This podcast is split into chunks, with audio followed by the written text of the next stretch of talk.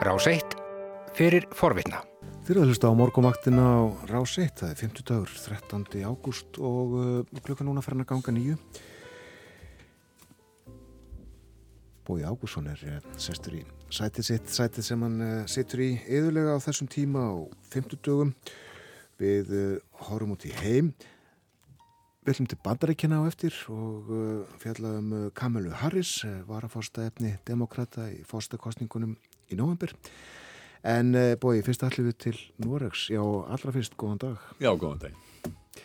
Já, við ætlum til Noregs. Uh, bara skandal, stór skandal sem að koma upp þar.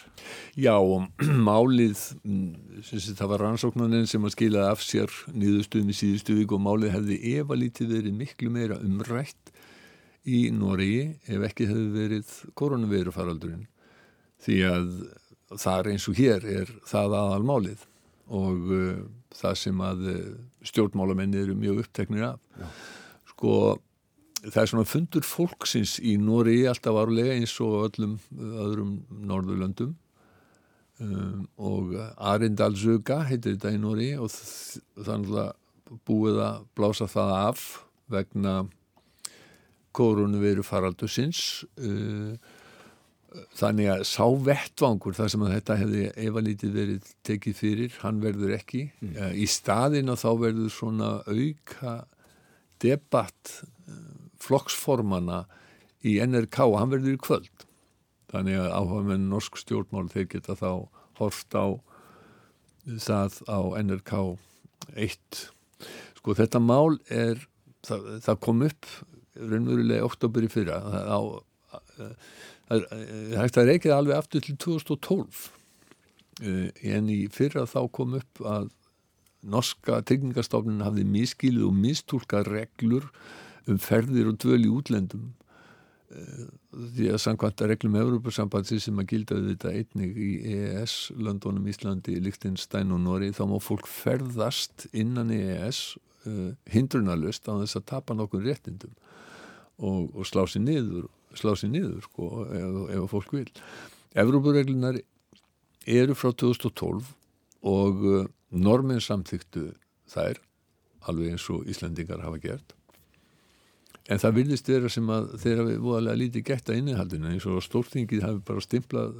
hérna pappirana frá Bryssel mm. uh, og, og norska kerfið bara þetta fór, virðist að fara fram hjá þeim. Já. Og þetta snýst sérsagt um það að bóta þegar uh, já, fóru til Spánar eða uh, mm. annara líri, líri landa og, já, já. og mistu við það bótreitndi? Já, það verður en það sko. Þetta eru, hérna, þetta er allmikið fjöldi fólks sem að var að fá bætur frá tengingastofnunni norsku, norsku og hafðu dvalið lengri eða skemmri tíma erlendis á meðan að bótatímanu stendur og það er bannað samkvæmt norskum lögum. Og norminir áttuðu sig ekki á því að norskulegin þau gilt ekki vegna þess að þeir voru búin að samþykja Evrópareglur í, í, í, í þessu tilfelli. En tryggingarstofnunin, hún fór eftir norsku lögunum og tók til sína ráða þegar hún sá það, hún bara leita á þetta sem tryggingarsvík og kærði alla sem voru dóm, dómstóla og fór fram á endurgriðslubotana og gekk fram af talsverður hörku. Þannig að það, sko, það var hafða mál gegn fólki og það var 36 manns var stungið í fangelsi. Hvað sér? Eina af, ein af þessum, sko það var ekki bara normi sem urðu fyrir þessu eh, Susanne Bock sem var dansku sjúkraliði sem núna eh, stendur á 70 hún hafði unnið í 22 ári í Oslo og hún hætti vegna öðrorku og fekk öðrorku lífeyri frá Norska ríkinu og svo flutt hún heim til Danmarkur þegar að, þegar að hún gæti ekki unnið lengur í, í, í Oslo. Norska tryggingastofnin krafði hann um endurgreislur og það endaði með því að hún var dæmd í 11 mánuða fangins, hún satt inni í 8 mánuði. Eh, og hún var, sagði nú í viðtali við danska úttarpi, hún var í guðslífandi fegin að hafa ekki þurft að sitja í einhverju fangelsi sem hún uppháði átt að vera lengst, eins og norða lengst norður í raskati í Nóri, heldur fekk hún að sitja að dafsjöri í dansku fangelsi. En hún sagði að það hefur verið hrein skelving samt sko. Já, svo það sem að gerist svo er að, að þegar máli kemur upp að þá er eh, skipað eh, sérstök rannsóknar nefnd og það er professor í, í Evrópurétti við háskólinni Oslo, Finn Andersen sem, Arnesen sem er formaður nefndarinnar. Og nýðustæðan er svo og það var komið og Tryggingarstofnun var þegar sko, fyrir áramót búin aftur að segja á þessu og, og byggast afsökunar og, og hún þarf að borga tilbaka allar bæturnar og hún þarf að borga miskabætur til þeirra sem að, að sátt í fangelsi. Okay. en nýðustæðar þessari rannsóknumnefnda sem kom í síðustu viku var svo að allir í norska kerfinu sem hefðu komið að þessu máli hefðu brúðist norska tryggingarstofnunin ráðuniti tryggingamála og domstólarnir sem að virtist ekki hafa kynnt sér EES-lögin þannig að þetta er náttúrulega algjörlega ótrúlegt að svona mál í nútíma vestrænu, norrænu réttaríki skuli koma upp að, að það brjóti svona ríkalega fólki. Og að norska tryggingarstofnun hún þekk ekki lög og rétt sem að gilda um, um bóta þegar og hún hafi krafist fangi á fengið fólk dæmt í fangelsi. Og það líka, finnst mér, ótrúlegt að öll norska lögfræðingastjettin hafi ekki þekkt þetta. Því að eh, sko dómarar hérna þau dæma eftir, eftir norsku lögunum og viti ekki að þau gildi ekki í þessu tilfelli. Mm -hmm. og allir þeir sem eh, voru dæmdir í fangilsi, þeir hljóta hafa haft verjendur fyrir, fyrir rétti. Og hvað voru þessi verjendur að gera? Maður, maður, maður, þetta er sko þetta með svo algjörlega með hreinum ólíkindum. En uh, þegar niðurstaðar rannsóknarnemndarinn að lág fyrir í síðustu viku þá baðst Torbjörn Rói Ísaksen sem er ráþæra málaflokksins einlæglega afsökunar og raunar hafði fórsættisráþæran gert það áður uh, Ísaksen sagði að þetta væri grav alvarlegt mál. Fólk hefði sittið í fangelsi vegna rángar af tólkuna lagana allur Nóriður bæðist afsökunar. Sak som er svært alvorlig fordi at den Altså, den dreier seg om juss, men dreier seg om enkeltmennesker. Eh, folk har sittet i fengsel pga.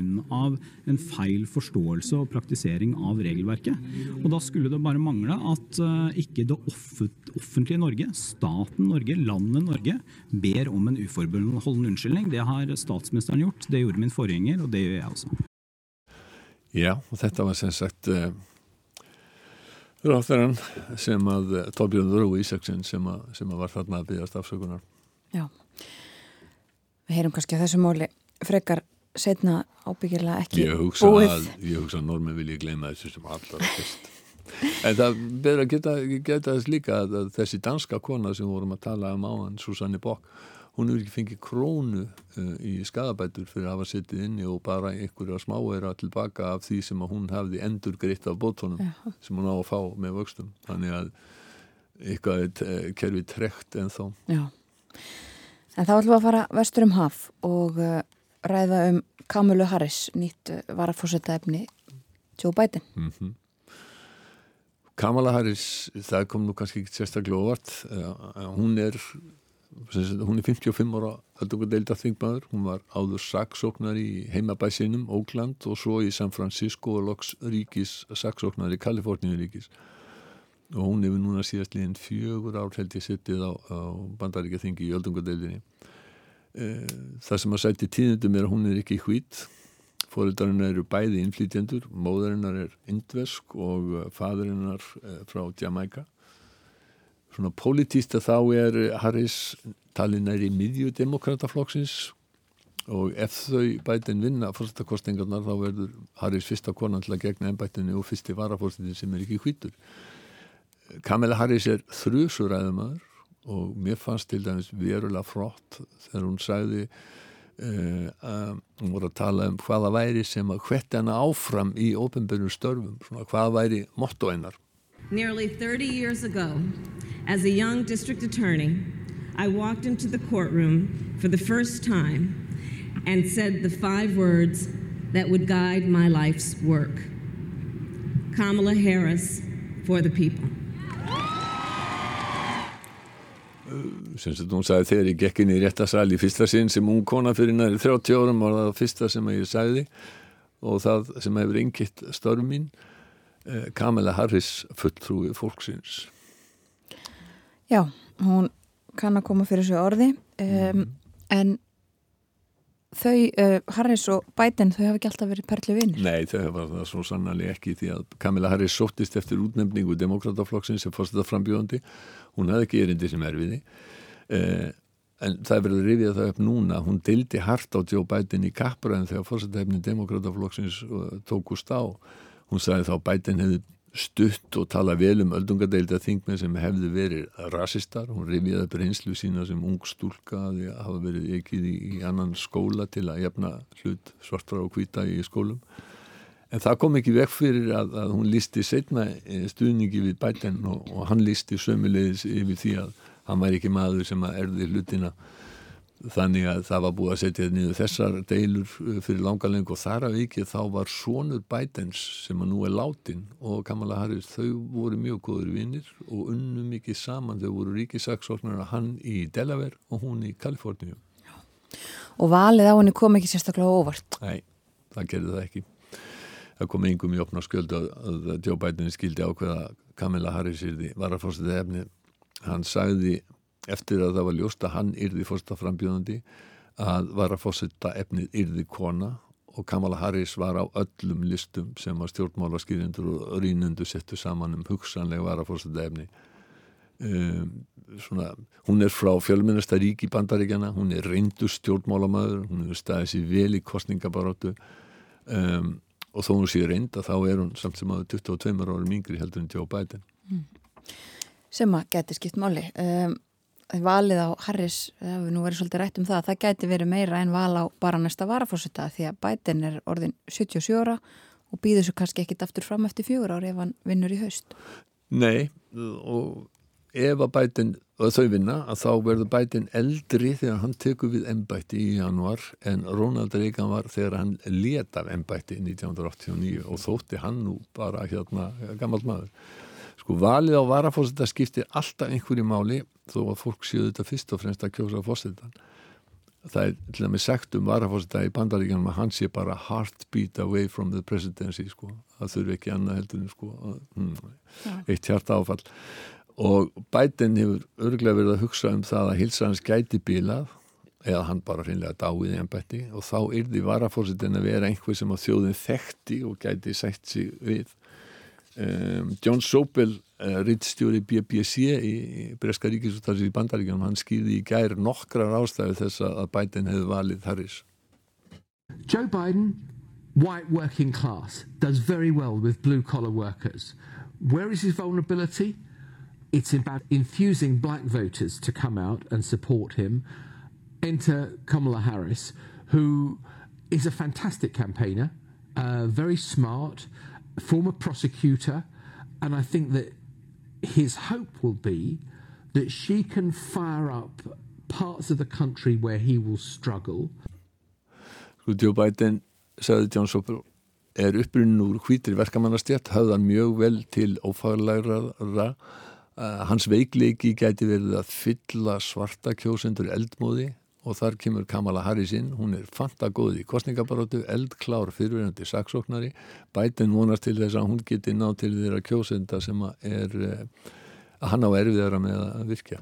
Sopil sagði einni að hópaðni sem að bætin væri að hugsa um væri ungt fólk, blokkufólk, sérstaklega konur sem eru meðal tryggustu stuðningsmanna demokrataflokksins og fólk í útkvæðum uh, stóru borgana þetta fólk verða demokrater að virkja. Hillary Clinton mistókst að fá marga úr þessum hópum á kjörsta 2016 en í þingkostningunum 2018 þá var kjörsóknin hins vegar mjög góð meðal hef, hefðbundin og stundismanna demokrata sem að svíkuflokkin 2016 eða, já, mætti ekki að kjörsta og 2018 unniði líka stór sigur. Sko eh, meðal svartra þá var, þá var kjörsók 2016 7% minni prosentustegum minni heldur en það var 2012 og það munar um minna og sérstaklega í þeim ríkjum þar sem mjög mjótt var á mununum sko. mm. Demokrater alltaf endur taka það eh, kostningar það frá 2018 núna í höst, ekki 2016 Já, og uh, Trump-fósiti og republikanar eru í veikri stöðu allavega núna. Já, vissulega, Trump hann ætlaði sér að byggja kostningabaróttu sína á því að efnahagurinn væri uppsviplu og uh, það væri lítið sem ekki datunleysi en það breytist auðvitað allt með COVID-19. Og kynþátt átökin og spennan sem hefur fyllt því að lögreglanum Minneapolis var George Floyd að bana hún hefur beint aðteklin að myndum rasisma fórsetans og, og, og viðbúð hans hafa dreyið úr stuðningi meðal hópa sem að, margra hópa sem áður stuðan eh, og Trump hefur á stundum núna vist mest verið að hefða til sko staðföstustu stuðningsmanna sína sem að myndi kjósan sama hvað á dindi. Eh, það hann getur hins vegar ekki gert það á sama tíma og hann er að reyna til að höfða til kjósenda sem eru næri miðjur stjórnmáluna margir hafa spáð því að, að ef aðtunlífi næsir ekki af COVID-áfallinu þá leggir Trump höfuð áherslu á, á lögreglu og dómsmál segja að allt fari í háa lofti ef að demokrater komist til valda. Hann sé hins vegar maður sem getur haldið upp í lögum og reglu Já. Og hvernig bröðust republikanar við útnefningu Kamilu Harris? Það líður valla nema nokkra sekundur frá því að tilkynnt var að Kamala Harris var að fórsta efni demokrata þegar að republikana voru búin að byrta auðlýsinga þar sem hafa ráðist á hana og hún sögðu lengst til vinstri í stjórnmálum af öllum þeim sem hafa bóðið sér fram til að var að fórsta í bandaríkjónum og Trump fósitt er indi að útmála hana sem rótækan vinstri sína sem vildi stórhækka skatta og skera niður útgjöld til varnamála og svara fyrir erfið mál. Markus, við ættum kannski að heyra hvað, það sem að Trump sagði e, þegar hann e, frétti af því að Kamala Harris er því varafósitt efni. But as far as Kamala is concerned, she's a big tax raiser, she's a big uh, slasher of funds for our military and she's uh, got a lot of difficult things that she's going to have to explain. Já, hann er hann að reyna að útmála hann sem einhvern mikinn nýstir sína. Hann sagði þetta á fréttamannufundi í fyrrakvöld og hann bætti því við að Kamala Harris væri illkvittin og dónaleg. Það finnst mann nú eiginlega svona dáltið eins og sé grjótkast úr, úr glerhúsi. Það finnst allavega nokkuð stjórnmálamæður sem að kann minna í mannarsýðum og nota ruttalegra orðfæri og svo fórsetin einnig týstum að kynverja minni stjórna bandaríkjanum ef þau bætið verða kjörinn, kallar hann að fóni Kamala, gerði við Kamalu. Svo talar hann alltaf um Joe Biden sem Sleepy Joe eða Joe að sifja það og þetta er eins og vennilega hjá Trump það er hans aðferð að uppnefna politíska anstæðingar sína og reyta skýt það fyrir, minna fyrir málefnalegum uh, eh, rauksemdum uh, þau Kamala Harris og Joe Biden þau komið fram á fundi í gær. Fyrsta skipti sem þau sáust saman já, náttúrulega bara deginum og eftir hann tilkynni þetta. Og þar uh, sagði hún meðal annars að, að framist aða fósittans og Mike Pence var að fósitta væri slíka hún sem saksóknari gæti sagt að þetta mál væri bara full sannað, það væri open and shut The people are who Joe and I will fight for every day in the White House. And let me tell you, as somebody who has presented my fair share of arguments in court, the case against Donald Trump and Mike Pence is open and shut. Já, uh, það kemur væntanlega spennandi kostningabarátu núna. Sko, það er mjög líklegt að republikanar hafi verið búin að ákveða það sko, alveg sama hver hefur verið varafastefni að reyna að klína sko, vinstri öfgastimpli á þann Um, það verður hins vegar ekkert sérstaklega auðvelt með Kamila Harris vegna þess að um, það er erfitt að ráðast á hana og sagja hana um að stýði ekki löggjæslu eða vilja ekki halda upp í lögum og, og reglum, menn, hún er fyrirvenandi saksóknari og þótti talsveit hörð í hotna að taka. Já, frekar verið uh, eh, gaggrindur hinn áttinni. Já, hún, og vinstri menn hafa einmitt verið innan demokrataflokksins hafa gaggrind hana fyrir að hérna, vera á harða og hafa fyllt fangelsin í, í Kaliforníu Sú gaggrinni hins vegar getur komið eh, eh, til góða núna sem mótvægi við, við einhverjum árásum uh, republikana. En hún er sko í eðlisinu samt sem að hvorki hún í bætin eru, mik eru mikið hugsunni fólk, þau eru svona miklu prakt, meira praktískir pólitíkusar og hún er svona talin nær miðjuflokksins þó aðeins til vinstri við bætin en það er ólega erfitt að búa til einhverja svona skilgrinningar Eh, hún hefur ekki verið neitt sérstaklega talsmaður þess að hækka skatta eða draga úr útgjöldum til, til varnamála en sannleikurinn er nú sjálfnast að flækjast fyrir Donald Trump í umræðinni Washington Post til dæmis heldur saman yfirlýsingu fósenda sem bladið segir að viki frá staðrindum eða séu bara hreina lígar og nú segir bladið að fósendin hafi logið 20.000 sinnum við, við 20.000 tækifæri í fósendatíði sinni og gerir aðri betur. Já Við erum búin að tala eins um viðbröð republikana en uh, viðbröðin annar staðar. Sko, demokrater hafa langt flesti fagnaði að Harris hafi verið valinn. Eh, Fyrirvenandi fórsetar Bill Clinton og Barack Obama hafa líst eindregnum stuðningi og svo eru demokrater að því virðist almennt mjög uh, ánæðir nema það er hugsanlega fólki í vinstra armiflokksinn sem að geti hafa orðið fyrir vonbröðum. Stuðningsfólk Bernie Sanders sem hefði viljað vantarlega sjá, já til dæmis Elizabeth Warren sem fórsetæfni en, en hérna Eh, hún er náttúrulega talsveit til vinstri við bætin en hún er heldur ekki dunglamp hún er 71 árs og svo er hún hvít og hún hefði ekki getað höfða til blökku fólks og, og minni hluta á sama hátt og demokrata vonast til þess að Kamala Harris gerir Já. Um, Rétt í lokinu staðan í konunum Já, staðan í konunum er þannig að það er svona eh, 7, 8, 10% munur á landsvísu, munurinn í einstökum ríkjum að sjálfsögðu skiptir miklu meira máli í bandaríkjónum og þar ef við tökum til dæmis Flórida þá erum við þar með, með mun sem er upp á, upp á hérna, 6% bætinni vil.